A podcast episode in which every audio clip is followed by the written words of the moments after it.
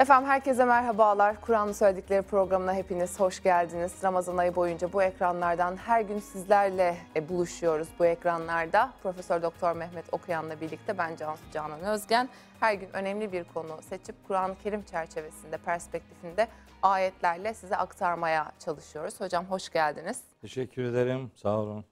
Hocam e, bugün yine çok çok önemli bir konu var. Her konu çok önemli ama bugün böyle e, Hazreti Peygamber'in hayatını konuşacağız. Evet. Zaten e, bütün konularda siz Kur'an ayetlerinin peşinde allah Teala'nın emirlerinin Hazreti Peygamber tarafından nasıl pratiğe döküldüğünü anlattığınız e, mevzularda Hazreti Peygamber'in hayatına değinmiştik. Tabii. Özellikle sünnetten de bahsederken Hazreti Be- Peygamber'in ahlakına ve davranış modellerine hep değindik, altını çizdik, vurguladık bugüne kadar yaptığımız bölümler boyunca.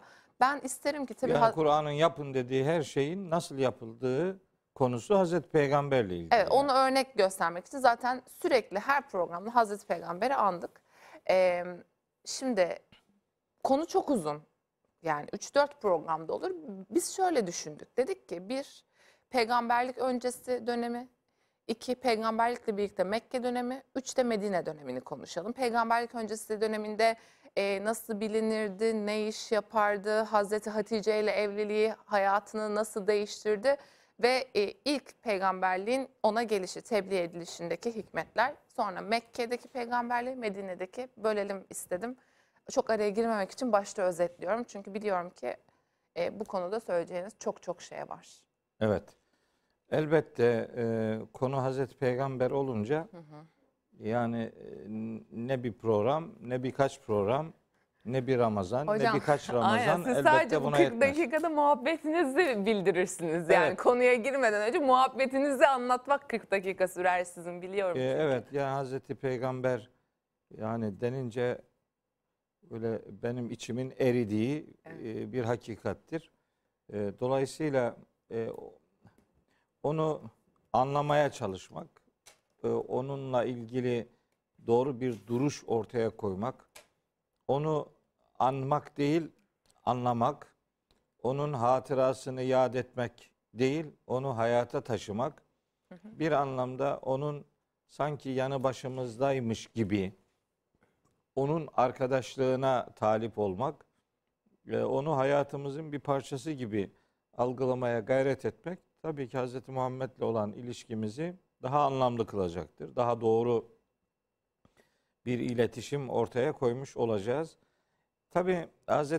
Peygamber'den söz etmek aslında Kur'an'ın ortaya koyduğu ölçülerde onun tabii ki peygamberlik dönemine dair e, detayları kardeşlerimizle paylaşmak anlamına gelir.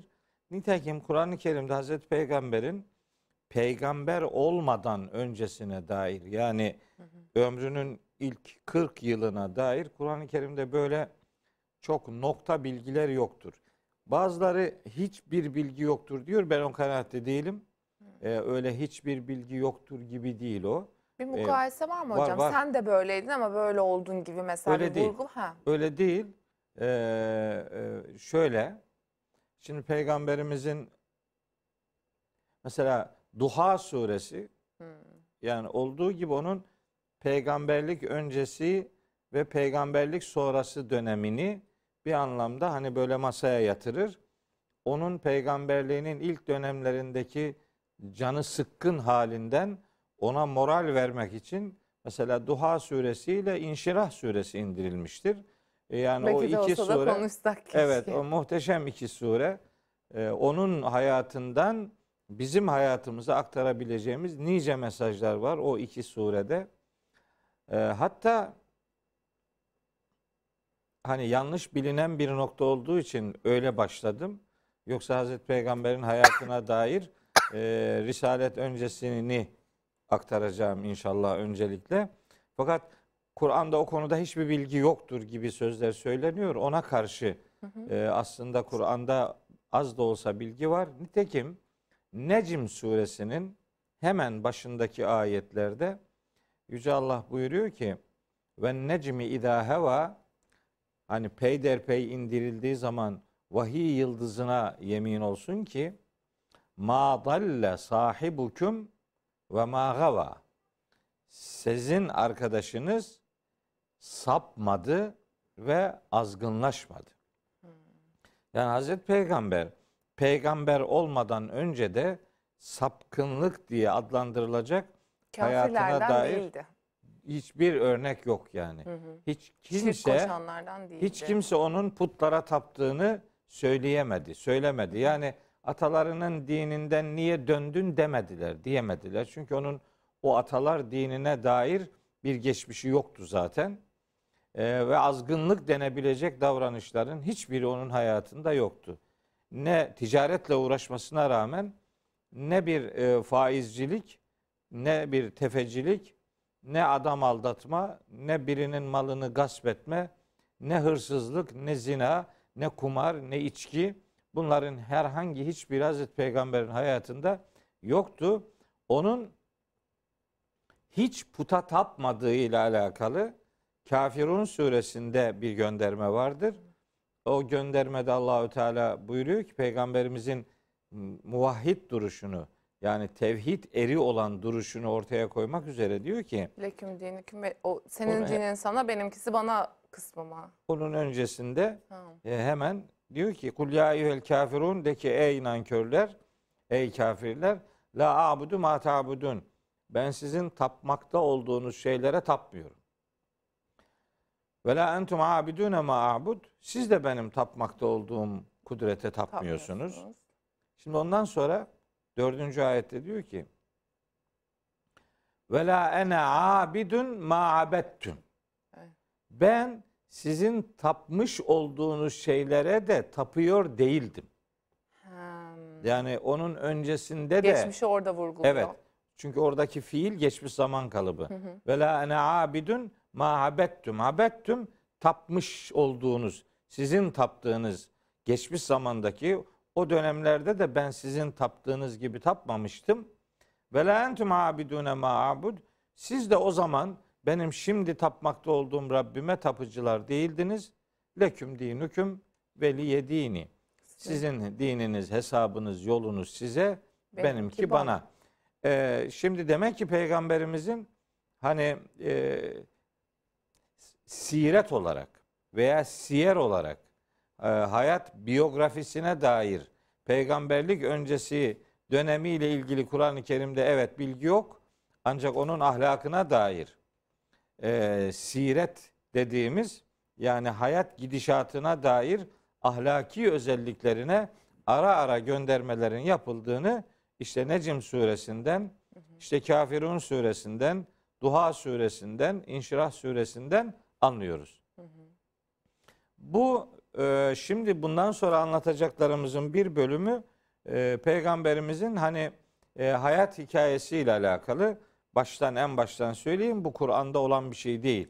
Yani Hazreti Peygamber'in babası Abdullah, dedesi Abdülmuttalip, işte amcası Ebu Talip, işte annesi Amine, eşi Hatice bunlarla ilgili bilgi yok Kur'an-ı Kerim'de. Bunları siyer kitaplarından, hadis kitaplarından, tarih kitaplarından öğreniyoruz ve onun peygamberlik öncesi dönemine dair böyle derli toplu hani 5-10 dakikada özetleyebileceğim çok temel köşe taşı bilgileri kardeşlerimle paylaşayım. Daha çok peygamberlik dönemine sözü getirme bakımından.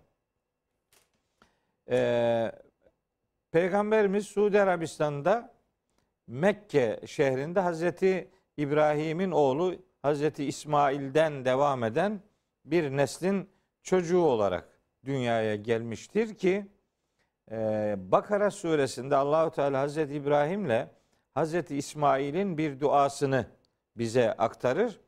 Onlardan e, aktarılan duada derler ki Rabbena ve ba'as fihim rasulen minhum. Ya Rabbi onların içine kendilerinden bir peygamber gönder diye Hazreti İbrahim'in Hazreti İshak oğlunun soyundan pek çok peygamberler gelmiştir. Ama Hazreti İbrahim'in oğlu Hazreti İsmail soyundan gelen tek peygamber Hazreti Muhammed'dir. Onun Evet. için Hazreti Peygamber Hazreti İbrahim'e ve Hazreti İsmail'e dair e, çeşitli ifadelerinde göndermeler yapar. Hazreti İbrahim, Hazreti İsmail soyu devamıyla Peygamberimiz Arabistan'da Mekke şehrinde o soydan gelen Kureş kabilesine mensup bir ailenin çocuğudur. Fil vakası diye bilinen bir olay yaşanmıştı ki o olayın yaşandığı yıl peygamberimizin dünyaya geldiği kabul edilir. Babası babası yaşadı onu. Babası gördü. Tabii yani babası, a- annesi, dedesi, ninesi he- hepsi gördü. Gerçi annesi Medine tarafındandı. Neyse o e, o fil yılı fil vakası olmadan e, 50 veya 55 gün e, sonra e, dünyaya geldiği kabul ediliyor. Gerçi Muhammed Hamidullah peygamberimizin doğumunun ya 20 Nisan 571 değil de e, 569 olduğunu ifade ediyor ama genel yaygın kanaat, genel yaygın kabul gören görüşe göre 570. 571 20 Rebiül Evvel ayının e, işte bizim şimdi kullandığımız hesaba göre 20 Nisan'ında dünyaya gelmiş bir e, tarih onun dünyayı e, şereflendirdiği dönem olarak biliniyor. Dediğim gibi dedesi Abdülmuttalip Abdülmuttalip e, Mekke'de oldukça hatırlı bir zat. Öyle biliniyor. E, nitekim mesela zemzem suyunun yerinin e, kaybolduğu e, bir dönemde o yeri bulup orayı tespit ederken e, diğer Mekkeli eşrafın onunla alay etmesi üzerine e, hep dua edermiş ki ya Rabbi işte böyle 10 tane oğlum olsun da o zaman millet oğullarıyla övünüyor. O Kurban da edeyim diye. o, e, efendim Kurban etme Ha, meselesi değil mi? 10 tane oğlum olursa birini kurban edeceğim der. İşte 10. oğlu Abdullah dünyaya gelince onu kurban etmek üzere bir takım e, konuşmalar gündeme gelince kızları buna şiddetle karşı çıkar. O da onun yerine e, onun yerine bir takım develer fidye vermeyi taahhüt eder ve fidye verir. İşte daha sonra Hazreti Peygamber ben iki kurbanlığın e, torunuyum, oğluyum diye e, Hazreti İsmail'e ve babası e, Abdullah'a gönderme yapar. O dünyaya geldikten sonra Abdullah e, onun 18 yaşına kadar yani Abdullah peygamberimizin babası Abdullah 18 yaşına gelince Hazreti Amine ile e, evlendirilir. O evlilikten işte Efendimiz Aleyhisselam dünyaya geliyor. Rivayetlere göre Daha annesinin karnındayken Ken, babasını kaybediyor. babası ticaretle uğraşıyor. Filistin tarafına doğru e, gidip oradan Gazze'den e, dönerken e, Medine'de vefat ettiği e, tarihen kaydedilmiştir. Ben biraz merak ettim. Acaba Medine'de mezarı nerededir? Çünkü mesela Hazreti Amine'nin mezarı ile ilgili, Hazreti Hatice'nin mezarı ile ilgili işte Hazreti Amine'nin Ebva'da vefat ettiğini biliyoruz. Hazreti Hatice'nin mezarının Cennetül Mualla'da olduğunu biliyoruz. Yani babasının mezarı çok böyle pek konuşulmuyor. Yani mesela hacca ve umreye giderken hani ziyaret edilen yerlerden biri değildir mesela. Yani özel e, özel ziyaret belki yapanlar vardır. Herkesin ne yaptığını bilmiyorum ama en azından benim gittiğim dönemlerde böyle bir gündem olmuyordu. Ben çok merak ettim. Acaba Medine'de vefat ettiğini biliyordum da yani mezarı nerede acaba diye. Sonra e, bazı kayıtlardan öğrendim ki onun mezarı şimdi bu Mescid-i Nebevi dediğimiz o mescidin Medine'de. içinde bir yerde. Ha. Yani bu mescit e, onun da Hazreti mezarının Peygamberimizin kabrine yakın, yakın yani. demek ki. O da bir tevafuk, o da aklıma geliyor. Bakın kaderin cilvesine ki Hiç Hazreti Peygamber ama, babasıyla e, dünyada hiç kavuşamamış ama aynı Ya. aynı civarda bir yerde artık tam nokta olarak neresi olduğunu bilmiyorum ama Mescid-i Nebevi'nin sınırları içerisinde kalan bir yerde defnedildiği ifade edilir. Daha sonra Hazreti Hatice, Hazreti Amine e, onun hem kendi yakınlarını ziyaret etmek hem eşinin mezarını ziyaret etmek üzere işte Peygamberimiz o zaman 6 yaşındayken ziyarete gider dönerken bu defa o da e, maalesef e, Hayatını hayatını kaybediyor. E, o zaman 6 yaşındaydı hem yetim mesela. hem öksüz kalıyor. Hem yetim hem öksüz. İşte işin e, hani cana dokunan tarafı hani yetimliği bir tarafa e, asıl e, canı yakan tarafının öksüzlüğü olduğunu düşünüyorum. E, çünkü ona hem annelik hem babalık yapan e, annesini kaybetti.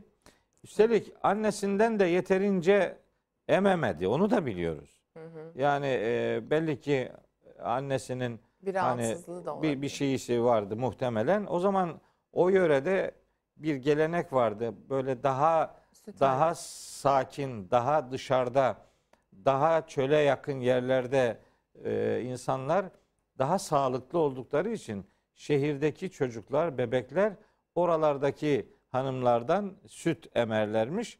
O geleneğe uygun olarak Hazreti Peygamber de Hazreti Halime'ye veriliyor. E, iki sene Hazreti Halime ona e, süt anneliği yaptıktan sonra e, getirip Hazreti Amine'ye teslim etmek e, teklifinde bulununca bir süre daha orada kalması isteğini dile getiriyor ve belli ki hani Hazreti Peygamber annesiyle de e, o 6 yaşına kadarki dönemde e, her çocuğun belki çok muhtaç olduğu o ilk birkaç yılı da Evet. adam akıllı e, belki doyarak geçiremedi ve babayı hiç zaten görmedi. Anneye de belki hiç e, sıcak doğru dürüst temas edemeden maalesef 6 yaşındayken de annesi vefat etti. Ebua'da defnedildi. İşte Ümmü Eymen peygamberimizin e, hep e, ikinci annem diye nitelendirdiği Hazreti Hatice'nin Hazreti Amine'nin yanındaki görevli onu getirdi bu defa Mekke'de dedesine. E, artık yetim ve öksüz kalışını dedesine onu teslim ederek e, o süreç devam etti.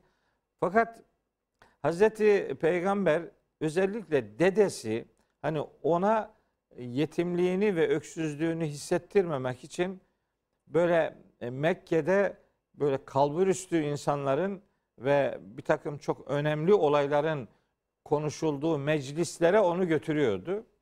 E, Hani onu bir itilmişlik psikolojisine kaptırmamak için ona sıra dışı bir özen gösteriyordu dedesi Abdülmuttalip.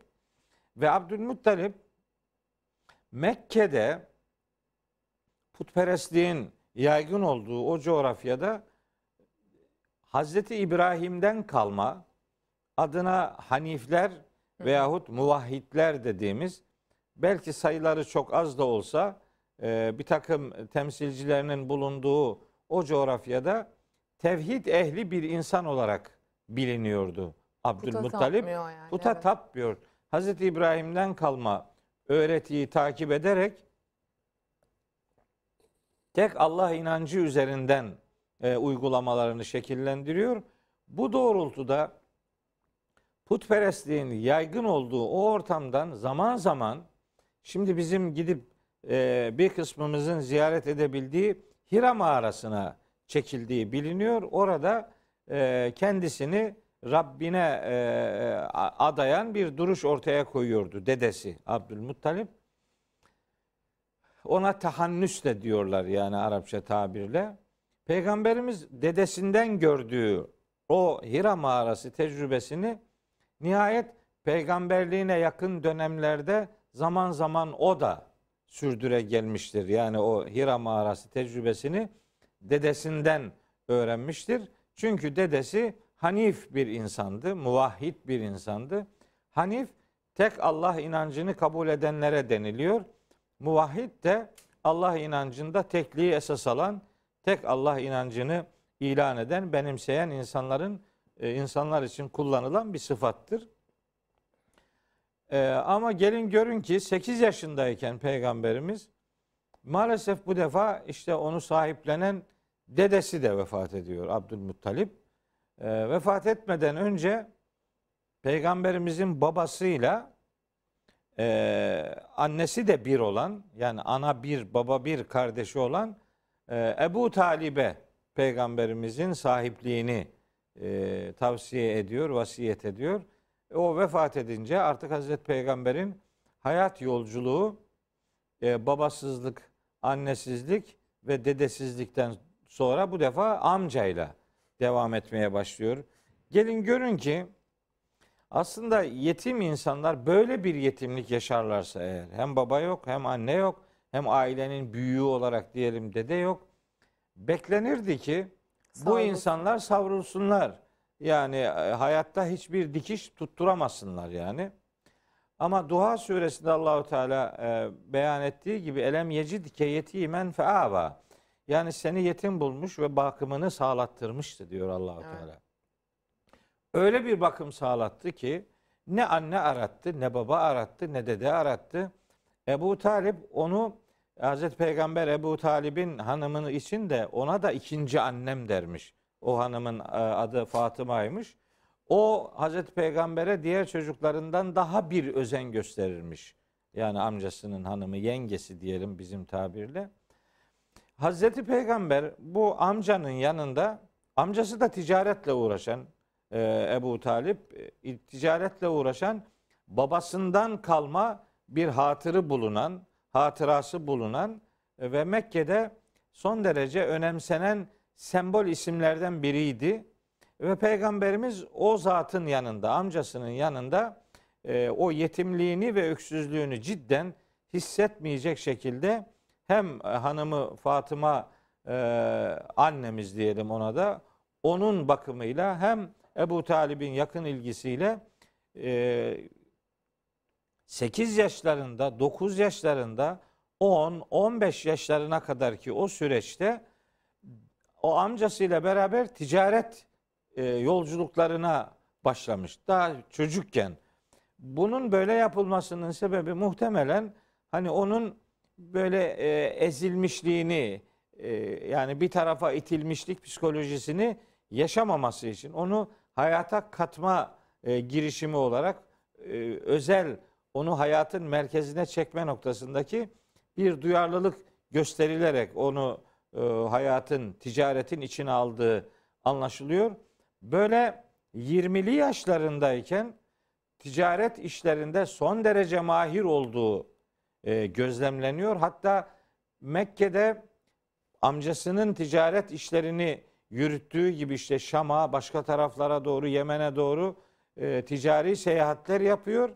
E, güçlü bir ticaret duruşu ortaya koyuyor. Yani ekonomik e, girdiler noktasında oldukça başarılı biri. Çeşitli ortaklıklar teklif ediliyor ona. E, o işte bu ortaklıklar ve ticaret meşguliyeti ile beraber Hazreti Hatice'nin de dikkatini çekiyor Hazreti Peygamber'in hem başarısı hem ahlakı hem e, duruşu hem dürüstlüğü.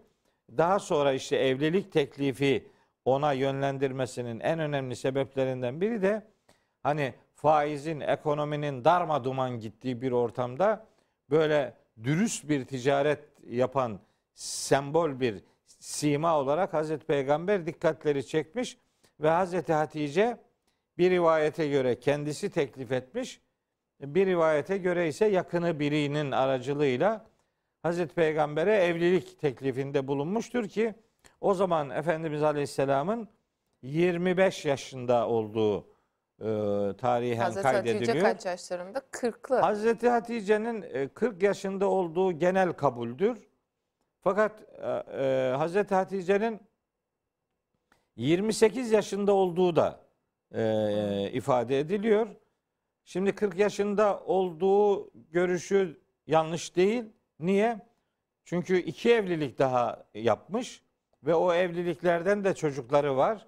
Muhtemeldir ki yaşı biraz ileri gelmiş olabilir ama Hazreti Peygamberle evlendikten sonra peygamberimizden 6 tane çocuğunun dünyaya geldiği göz önüne alınırsa hani 40-41 yaşından sonra 6 çocuğu dünyaya getirmesi hani o yaş aralığı hani iki senede bir bir çocuk olduğunu varsayarsanız işte diyelim ki 12 sene daha hani 50'li yaşlarda bile doğum yaptığı gibi bir şeyler bir, bir durum devreye girer. O ihtimalle belki biraz daha yaşı e, 40 değil de belki biraz daha düşüktür. Ama ne olursa olsun e, bundan önceki birkaç programda dile getirmiştik. Hiç kimse Hazreti Peygamber'i cinsellik ve şehvet üzerinden diline dolayamaz. Hiç kimse Hazreti Peygamber'e o noktada hani e, kaşını falan kaldıramaz, burun kı- kıvıramaz. Çünkü kendisinden yaşça büyük olan ve e, başından evlilikler geçmiş olan, diğer evliliklerinden çocukları bulunan bir hanımla evlenmiş. 30 sene evli kaldı. bir de. Evet, onunla, Onunla. yıllarca evli kalmış. 55 yaşındaydı değil mi ikinci evli? Ya 52 E, ikinci- yaşında yani 27-28 sene vefatına kadar hep onunla Hep birlikte. onunla yaşamış Hazreti Hatice'nin vefatına kadar. O vefat edince de birkaç yıl hatırasına hürmeten başka bir evlilik yapmamıştır Peygamberimiz. Onunla evlenince Hazreti Hatice ile e, Peygamberimiz Aleyhisselam evlenince hani Ebu Talib'in evinden onun evine e, gitmiş. İç güveysi gibi yani. Yani Biraz. artık adı nasıl ya ben şimdi buradan çok Günümüz önemli tabiri. dersler çıkartıyorum. Ben de. Ne çıkartıyorum? Mesela teklifi kız tarafının yapması. Yapabilir. Tabii yapabilir de yapılmıyor işte yani. Şimdi Türkiye şartlarında belli coğrafik bölgelerimizde yani kızını bir damat adayına teklif eden adam duydunuz mu yani? Var mı yani? Yok. Kızlar erkeklere talip olabilir. Hani gönül akması sebebiyle diyelim ama ya bir aile bir bir kızın Yok. babası ben kızımı işte sana oğluna işte vermek istiyorum falan. Ben böyle bir şey duymadım yani. Biraz şeyde var hocam ya şirket evliliklerinde. Hani o çok başka. varlıklı bir aile. Öbürü de öyle. Babalar arkadaş diyor ki Ha. hani bizim kızla sizin oğlanı evlendirelim de hani servet başka yerlere bölünmesin. En azından biliyoruz. Böyle şirket evliliği gibi oluyor ya o da. Oralarda ben duydum. Ha, olabilir de hani böyle çok çok çok çok nadir bir Evet şey. evet evet. Ama- Ama, mesela siz de yapabilirsiniz bence. Yani sizden öyle bir şey duymadım da sizde o vizyonu görüyorum yani. Zaten özellikle vurguladığınıza göre demek ki Yani ben bazı sizin- ko- konuşmalar yaptığım e, düğün ortamlarında dedim. Dedim ki iki tane kızım var. İşte bunları uygun bulduğumu Uygun. seçeceğim. Evet yani böyle gözüm tutan biri olursa teklif edeceğim diye. Hala hazırda gözüm tutan kimse olmadı. Dolayısıyla e, öyle bir Zor durumumuz biraz. olmadı. O iş He. biraz zor ben Şimdi söyleyeyim. e, ben bir şey daha bu tam sözün burasına bir şey daha eklemek istiyorum. Hani bir aydır Kur'an konuşuyoruz. E, Bu bu kadar Kur'an konuştuğumuz yerde Hazreti Peygamber'in Hazreti Hatice ile evliliğinde evlilik teklifinin Hazreti Hatice'den gelmesi hani bize biraz garip geliyor. Hı hı. Aslında bu garip değil. Çünkü peygamberimiz kendi kızlarını evlendirirken de damatlarına kızlarını kendisi teklif etmiştir. Yani mesela Hazreti Osman'a Osman-ı Zinnureyn derler. İki nur sahibi Osman. Kızlarından birini o Ebu Leheb'in oğullarına evlendirmişti. E, Peygamberlik gelince e, onları boşadılar. O boşanan kızlarından birini önce Hazreti Osman'la evlendirdi. O vefat edince kızı diğer boşanan kızını da Hazreti Osman'la yine kendisi evlendirdi. Onun için Hazreti Osman'a Osman-ı Zinnureyn derler yani. İki nur sahibi Osman. Yani o teklifleri kendisi yaptı peygamberimiz. Hazreti Fatıma'yı Hazreti Ali'ye o teklif etti yani. Yani kızlarını verirken evlilik teklifini kız babası olarak peygamberimiz yaptı. Adamlar Kend- zaten bir şey diyemez ki ya al- al- almıyorum diyemez herhalde Hazreti Artık Peygamber. Ki derse ayet iniyor biliyorsunuz. demez. bir önceki programda konuşmuştuk. O e, evet Hazreti Zeynep'in evliliğiyle Evet, ilgili peygambere diyorsun. karşı çıkmayın Anladım. diye ayet iniyor. Tabii ama bu dini bir mesele Hı hı. olmadığı için hani ona dair önemli bir e, detaya girmeyelim. Bir şeyi daha hatırlatmalıyım.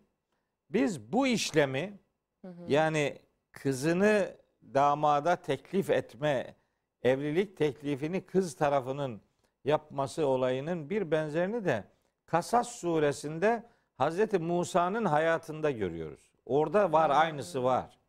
Şey gidiyor Şu- Şuayb peygamberin yanına Hazreti Şuayb'in gidiyor. iki kızından Evet. biri işte su e, şeyinde pınarında işte sula, hayvanlarını sulayan bir grubu görünce Medyen'de Evet.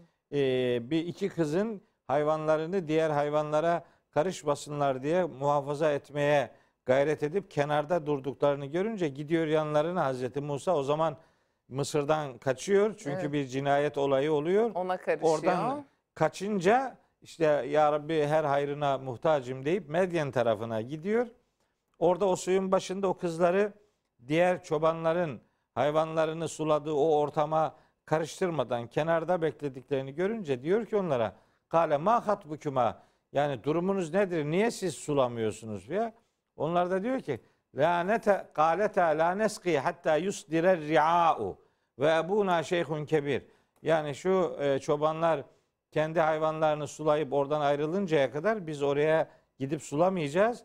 Çünkü bizim o araya girmemiz doğru değil. Babamız da çok yaşlı bir insan. O da gelemiyor. Biz mecburen böyle bekliyoruz deyince Hz. Musa o hayvanları o kızların yerine gidiyor, suluyor, su içmelerini sağlıyor. Eve centilmen bir davranış sergiliyor. Sergiliyor. Tabiriyle. Tabii evet bir peygamber e, iki tane e, kızla konuşuyor. Şimdi o tarafı da var. Hani bizde böyle kadınları aman hayata e, işte hiç yanaştırmamak filan kadının Erkek- olduğu ortama ge- sokmamak, girmemek filan Şeyde böyle de var acayip. hocam o. Hazreti İbrahim'in e, sofrasında biliyorsunuz o Tabii zaman Hazreti melekler Sare'nin. e, Hazreti Sa- o zaman melekler eğer bir peygamberle görüşmek isterlerse e, haddimi aşmıyorumdur umarım sizin yanınızda bunu anlatarken insan suretinde yakışıklı erkek gibi gelirlermiş. Orada sofraya alıyorlar onu yemek yiyor ki Hazreti işte Ha- Hazreti İbrahim de onu deniyor. Çünkü hani Yemiyorlar. E, yemezse düşman bilecek aslında. Yemeği alıyor. yemi- Niyeti kötü bilecek. niyeti kötü bilecek. Sonra e, diyor ki sana Allah çocuk müjdeledi onu bildirmek için geldim.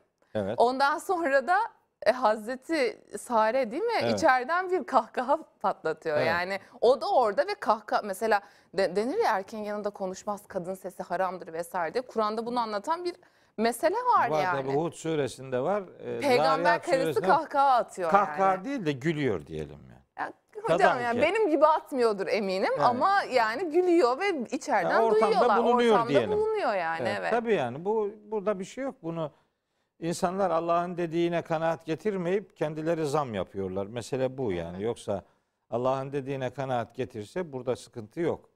Şimdi Hazreti Musa o hayvanları sulayıp kızlar her geldiği zamandan daha erken gelince eve babaları soruyor ne oldu nasıl erken geldiniz filan. Onlar da diyorlar işte böyle böyle bir e, delikanlı bize yardım etti filan.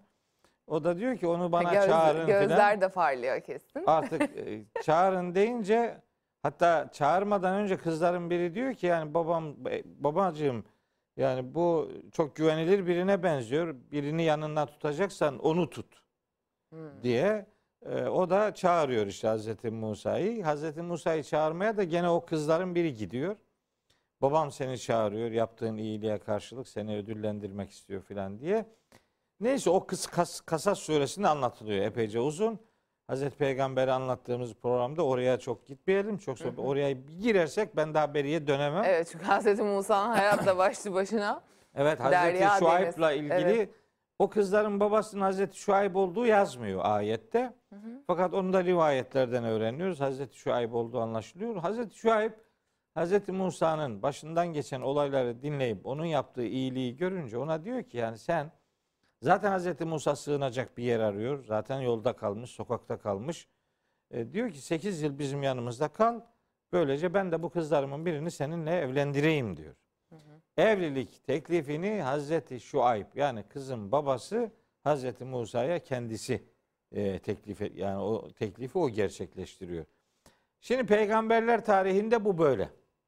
Hazreti Muhammed Aleyhisselam'ın peygamber olmadan önceki Hazreti Hatice ile evliliğinde öyle. Kendi peygamber olduktan sonraki kızlarını evlendirirken ki sünneti böyle. Ama biz Müslümanlar olarak ne Hazreti Şuayb'la ne Hazreti Musa'yla ne Hazreti Muhammed Aleyhisselam'la bu anlamda e, arzu edilen bir e, hani sünnet bağı ortaya koymaya bir türlü becermiyoruz. Hocam yani. tabii bir de şey ya mesela kız erkeğe teklif ettiğinde de çok böyle marjinal bir şey gibi duruluyor. Bırakın yani babanın söylemesini yani ilişkiyi yaşıyorlar. Kız erkeğe evlenme teklif ettiğinde aa öyle mi falan çok açık görüşlüsün falan diyorlar yani. ya da başka Düşünün, şeyler O söylüyorlar. sizin dediğiniz yere gelmeye daha çok var. Var. Yani. Ama bilinmelidir ki bunun Kur'ancası böyledir. Evet. E, çünkü insanın kendi kızını başkası onun kadar sevemez. Yani onun huzurunu, mutluluğunu en iyi onun kendi ailesi, annesi, babası e, hisseder, ister. Öyle bir çaba ortaya koymakta hiçbir sakınca yok. Biz orayı şimdi geçtik. Öyle değil.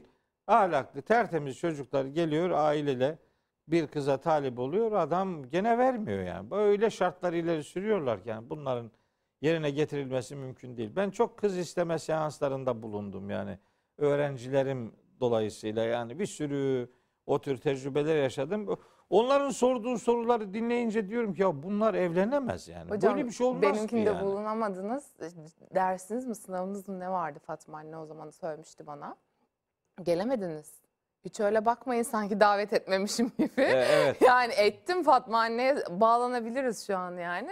Siz orada orayı ayarlayamadınız tarihe. Evet ama sonrakini hallettik Evet, yani Allah'ın evet. izniyle. Dini nikahımı bir hocam yanlışı kıydı. yapmadık yani. Evet çok şükür.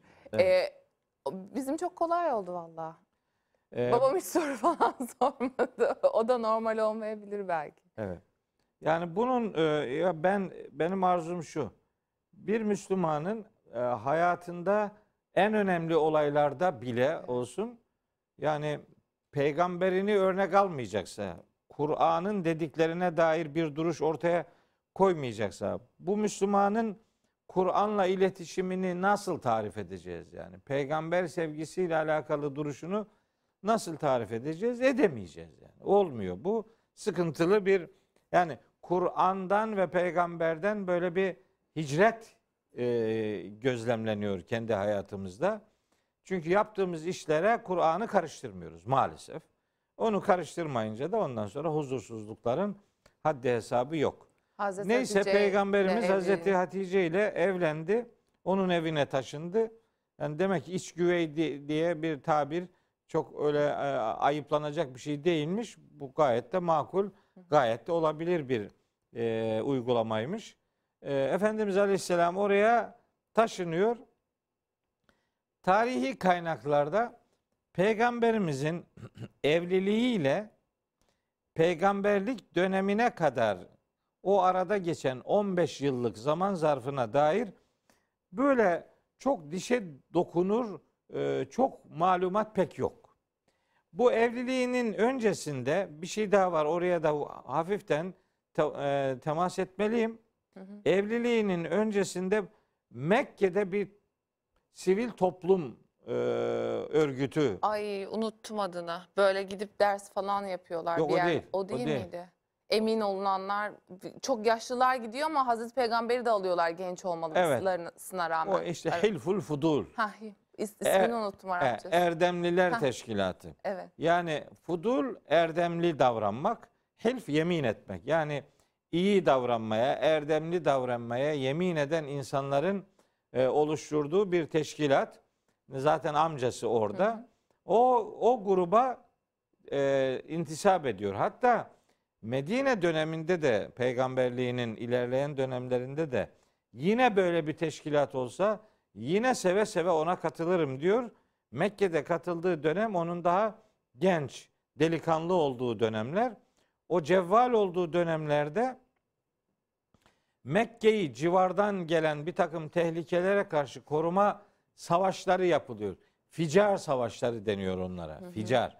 Yani peygamberimizin Mekke'de Mekkeli olarak e, öne çıkan duruşunun böyle e, nokta bir takım e, şeyleri var. Tecrübeleri var. Onlardan biri de bu Ficar savaşları. Yani Mekke'ye karşı fücur işlemeye, yani azgınlık, sapkınlık, zulüm yapmaya yönelik bir takım e, teşebbüslere karşı Mekke'yi savunanların ortaya koyduğu savaşlar peygamberimizin o savaşların birine amcasıyla beraber katıldığı Ficar savaşlarının birine e, ama fiilen böyle bir e, cephede değil de hani bir cephe arkasında daha çocuk olduğu için e, tam e, erişkin yetişkin olmadığı için oraya da katıldığı biliniyor. Onun e, hayatında özellikle ticari hayatında ortaya koyduğu o nezih duruş çok önemli bir e, etki meydana getirdiği için Mekkeliler ona ortaklık teklifi yapmış. Hazreti Hatice'nin kervanlarını idare etmiş. Amcasının ticaret işlerini yürütmüş. Onun dürüstlüğü neticesinde ona Mekkeliler el emin demişler yani. Güvenilir, en güvenilen adam diye öyle bir sıfat da ona vermişler peygamber olmadan önce. Tamam burada virgül koyalım mı? Çünkü daha peygamberliği getiremedik. Mekke var, Medine var. Bir bölüm daha yapacağız. Burada virgül koyalım. El emindi peygamber olmadan önce zaten diyelim ve sonrasında bir sonraki bölümde kaldığımız yerden devam edelim. Ne dersiniz? Ee, doldu mu vakit ya? Evet hocam. O o zaman peygamberliğe kadar geleyim hiç olmasa bir dakika daha. Yani ha, Bu- tamam bir burada dakika daha bırakılmaz. evet tamam. Çünkü peygamberimizin peygamber olmadan önceki Hı hı. e, dönemi deyip de o Kabe Hacer-i Esved'le ilgili yaşanan bir olay vardı. Onu demezsek olmaz. Tabii şey Çok eksik kalır. onun gömleğini çıkarttırıp Mekkeliler evet Kabe Kabe'yi tamir edip e, Hacer-i Esved dediğimiz o siyah taşı yerine koymada kim koyacak? Bu tabii bir tartışma konusu oluyor ister herkes istemez. istiyor E, gruplar. değil mi? Bu şerefli bir iş olduğu için aralarında diyor ki bir tanesi e, filanca kapıdan kim gelirse bu sabah ilk o bu işi o halletsin diye. Oradan da peygamberimiz geliyor. Peygamberimiz tabii ki zaman zaman Mekke'de Mescid-i Haram'a gidiyor, Allah'a ibadet ediyor, tahannüsü var, düşünüyor. Yani ibadet, tavaf yapıyor. O tavaf geleneği peygamberimizle başlamadı. Ta Hazreti İbrahim'den beri geliyor. O o hayatın içinde zaten onun geldiğini görünce çok seviniyorlar. Peygamberimiz de bir örtü alıyor. Hacer-i Esved'i örtünün ortasına koyuyor. O kavga etmek üzere olanları da her birini örtünün bir tarafından tutup kaldırmalarını isteyerek o ta- taşı kendisi e, yerleşmesi gereken yere yerleştiriyor. Böylece büyük bir kavganın pek çok insanın belki ölmesine sebep olacak bir kavgayı ferasetiyle, nezahetiyle, nezaketiyle, öngörüsüyle e, hallederek bir büyük problemin e, meydana gelmesini de önlemiş oluyor. Ve bu bu olay e, peygamberimizin peygamberliğinden yaklaşık 5 yıl önce yani 605 yılında miladi olduğu ifade ediliyor. Aşağı yukarı bu bilgilerle e, Efendimiz Aleyhisselam'ın Mekke dönemi ne dair yani peygamberliğine henüz gelmeden önceki dönemine dair bilgileri Özetlemiş ancak böyle olabilir. özetlemiş e, olayım diyeyim. Yani daha da söylenecek bir sürü şey vardı ama bu kadarıyla yetinmiş oldum. Hocam zaten programın başında söylemiştim ben. Yani hani muhabbetimizde anlatmak e, programlar sürer. Hepimiz için geçerli. Burada virgül koyalım. Sonra peygamberliğin gelişi, Mekke dönemi, hicret ve Medine döneminde bir programda özetlemeye çalışalım. Olur mu bir sonraki Bir program? sonraki program aynı zamanda Kadir Gecesi ile de ilgili e, Eyvah. olabilir. O zaman ben onu birleştiririm işte. Tam o işte. Medine, Mekke döneminde Risaletin başlaması Kadir Gecesidir. yani. Ah süper harika Evet. muazzam bir birleşim oldu. Ağzınıza sağlık. Efendim size de çok teşekkür ediyoruz. Bir sonraki e, bölümde Kadir Gecesi'nde idrak etmeye çalışacağız inşallah. Hepinizi bekliyoruz.